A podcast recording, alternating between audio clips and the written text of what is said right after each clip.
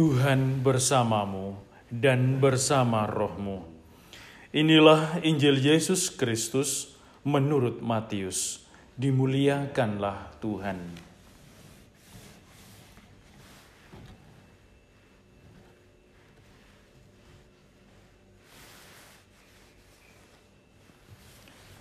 Pada suatu hari Sabat, Yesus dan murid-muridnya berjalan di ladang gandum.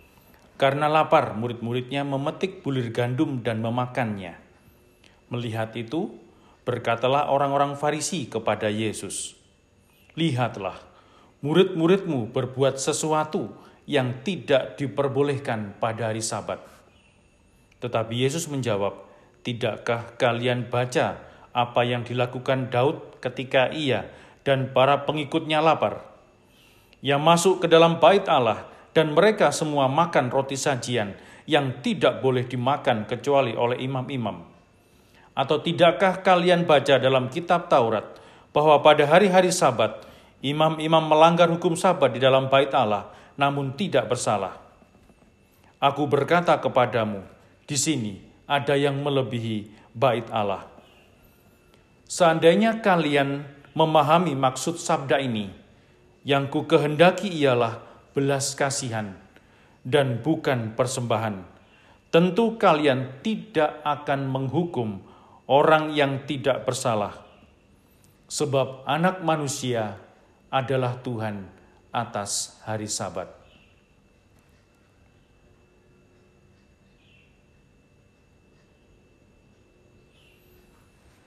Demikianlah Injil Tuhan. Terpujilah Kristus. Para saudara yang terkasih,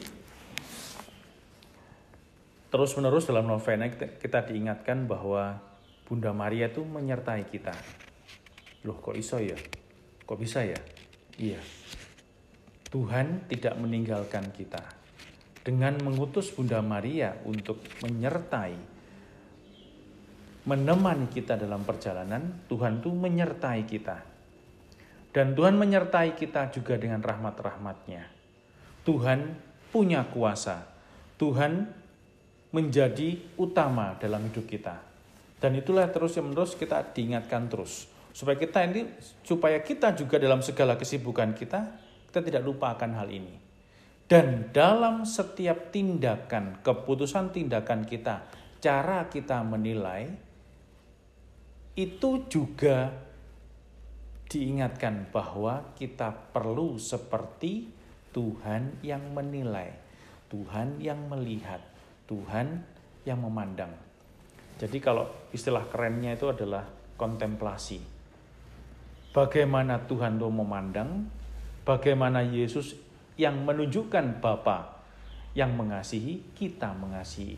Bagaimana Yesus itu bertindak, kita bertindak. Bagaimana Yesus itu bersikap terhadap orang yang berdosa, yang dikucilkan, yang sakit, kita juga melakukan seperti itu.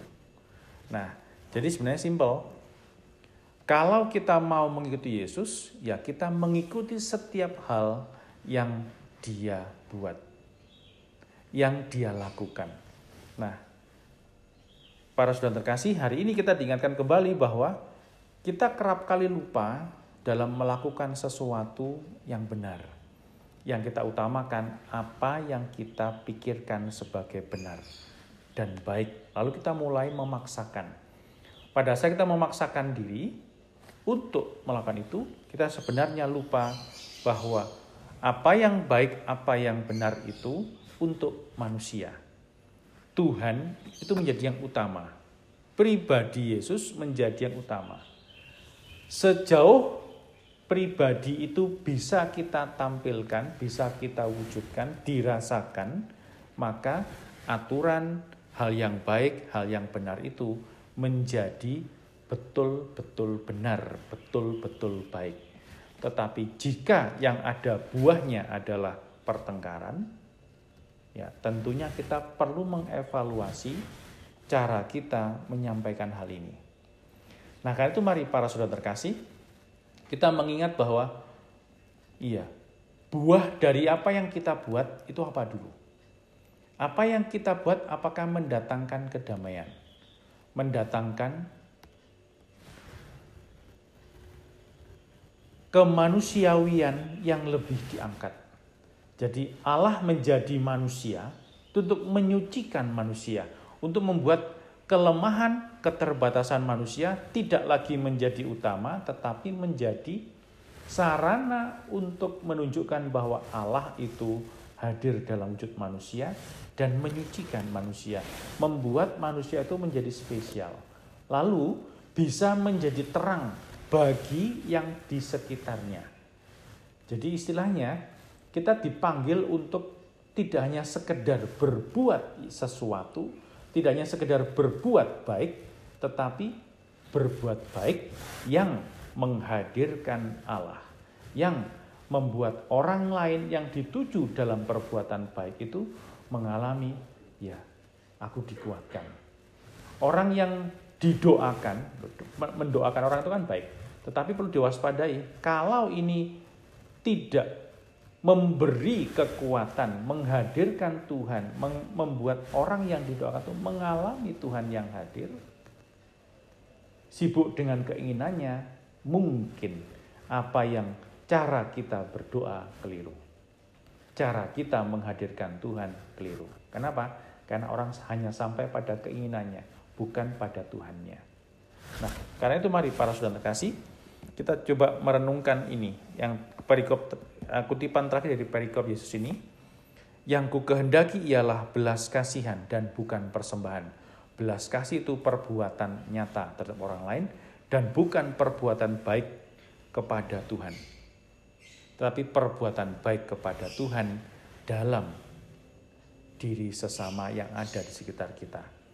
Nah, sekarang pertanyaannya sederhana, apakah dalam novena kita kita sibuk dengan keinginan kita? Sibuk hanya dengan apa yang kita inginkan saja, yang kita harapkan. Sibuk dengan keluarga saja. Sibuk dengan apa yang saya perlukan saja. Apakah saya juga mempunyai ruang? Nah, kemarin-kemarin ke novena-novena sebelumnya, kita diajar untuk punya ruang untuk orang lain. Kenapa ke orang lain penting? Karena Tuhan hadir dalam diri orang lain. Nah, sekarang coba kita renungkan jenak. Apakah hidup kita melakukan hal yang baik dan benar.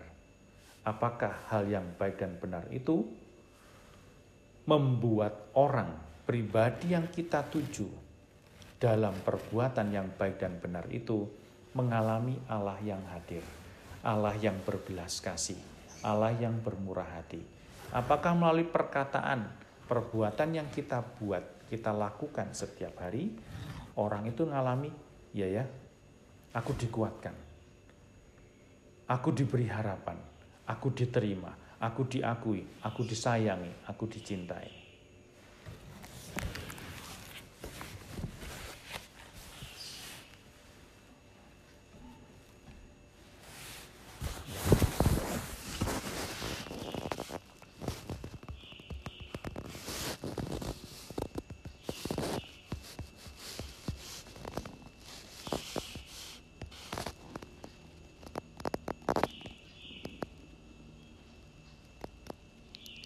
Allah Bapa kami yang Maha Kasih, kami bersyukur Engkau terus memberi kami kesempatan untuk mengalami kehadiran-Mu yang nyata dalam hidup kami, khususnya dalam masa-masa sulit kami ini.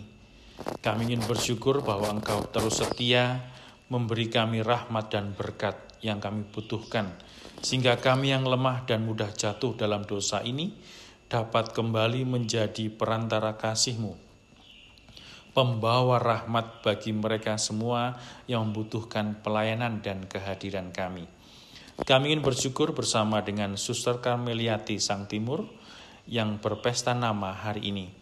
Kami bersyukur dalam kelemahan dan keterbatasan, Engkau terus menganugerahkan kehidupan, panggilan yang demikian berharga, dan kekuatan untuk menjawab panggilan itu dalam pelayanan dan kehidupan setiap hari. Ajarlah kami semua untuk berani melihat kemuliaan-Mu nyata dalam hidup dan pelayanan suster kami ini. Semoga rahmat kasih-Mu menjaga dia dalam kesehatan, dalam panggilan, dan dalam karya-karya setiap hari, dalam tindakan sederhana yang dia lakukan setiap hari pula. Bapa yang Maha Kasih, ke dalam naungan kasih-Mu kami terus ingin mempersembahkan hidup dan panggilannya. Allah Bapa kami yang Maha Kasih, ke dalam tangan-Mu kami juga ingin mempersembahkan seorang yang memohon berkat atas pekerjaan yang terus ingin dia lakukan dengan sepenuh hati, agar dengan melakukannya engkau memberkati dia dengan rahmat kasih-Mu dalam promosi jabatannya. Semoga rahmat kasih-Mu memberi dia kepercayaan, agar dalam hari-hari hidupnya, dalam pekerjaannya, dia senantiasa dapat menghadirkan engkau yang berkarya dalam hidup kami, sehingga mereka yang dia layani senantiasa mengalami kasih-Mu yang berlimpah. Bapa, ke dalam naungan kasih-Mu kami ingin terus mempersembahkan pula saudara-saudari kami yang sampai hari ini sedang berbeban berat, entah karena berbagai persoalan dalam hidup mereka, juga mereka yang sedang sakit terutama karena COVID ini. Engkau yang hadir, Engkau yang maha kuasa, Engkau yang maha kasih, senantiasa meneguhkan mereka. Semoga melalui keterbatasan, kelemahan, dan sakit mereka, mereka terus dapat menjadi saksi kasih-Mu yang nyata dalam hidup kami. Demi Kristus Tuhan dan pengantara kami. Amin.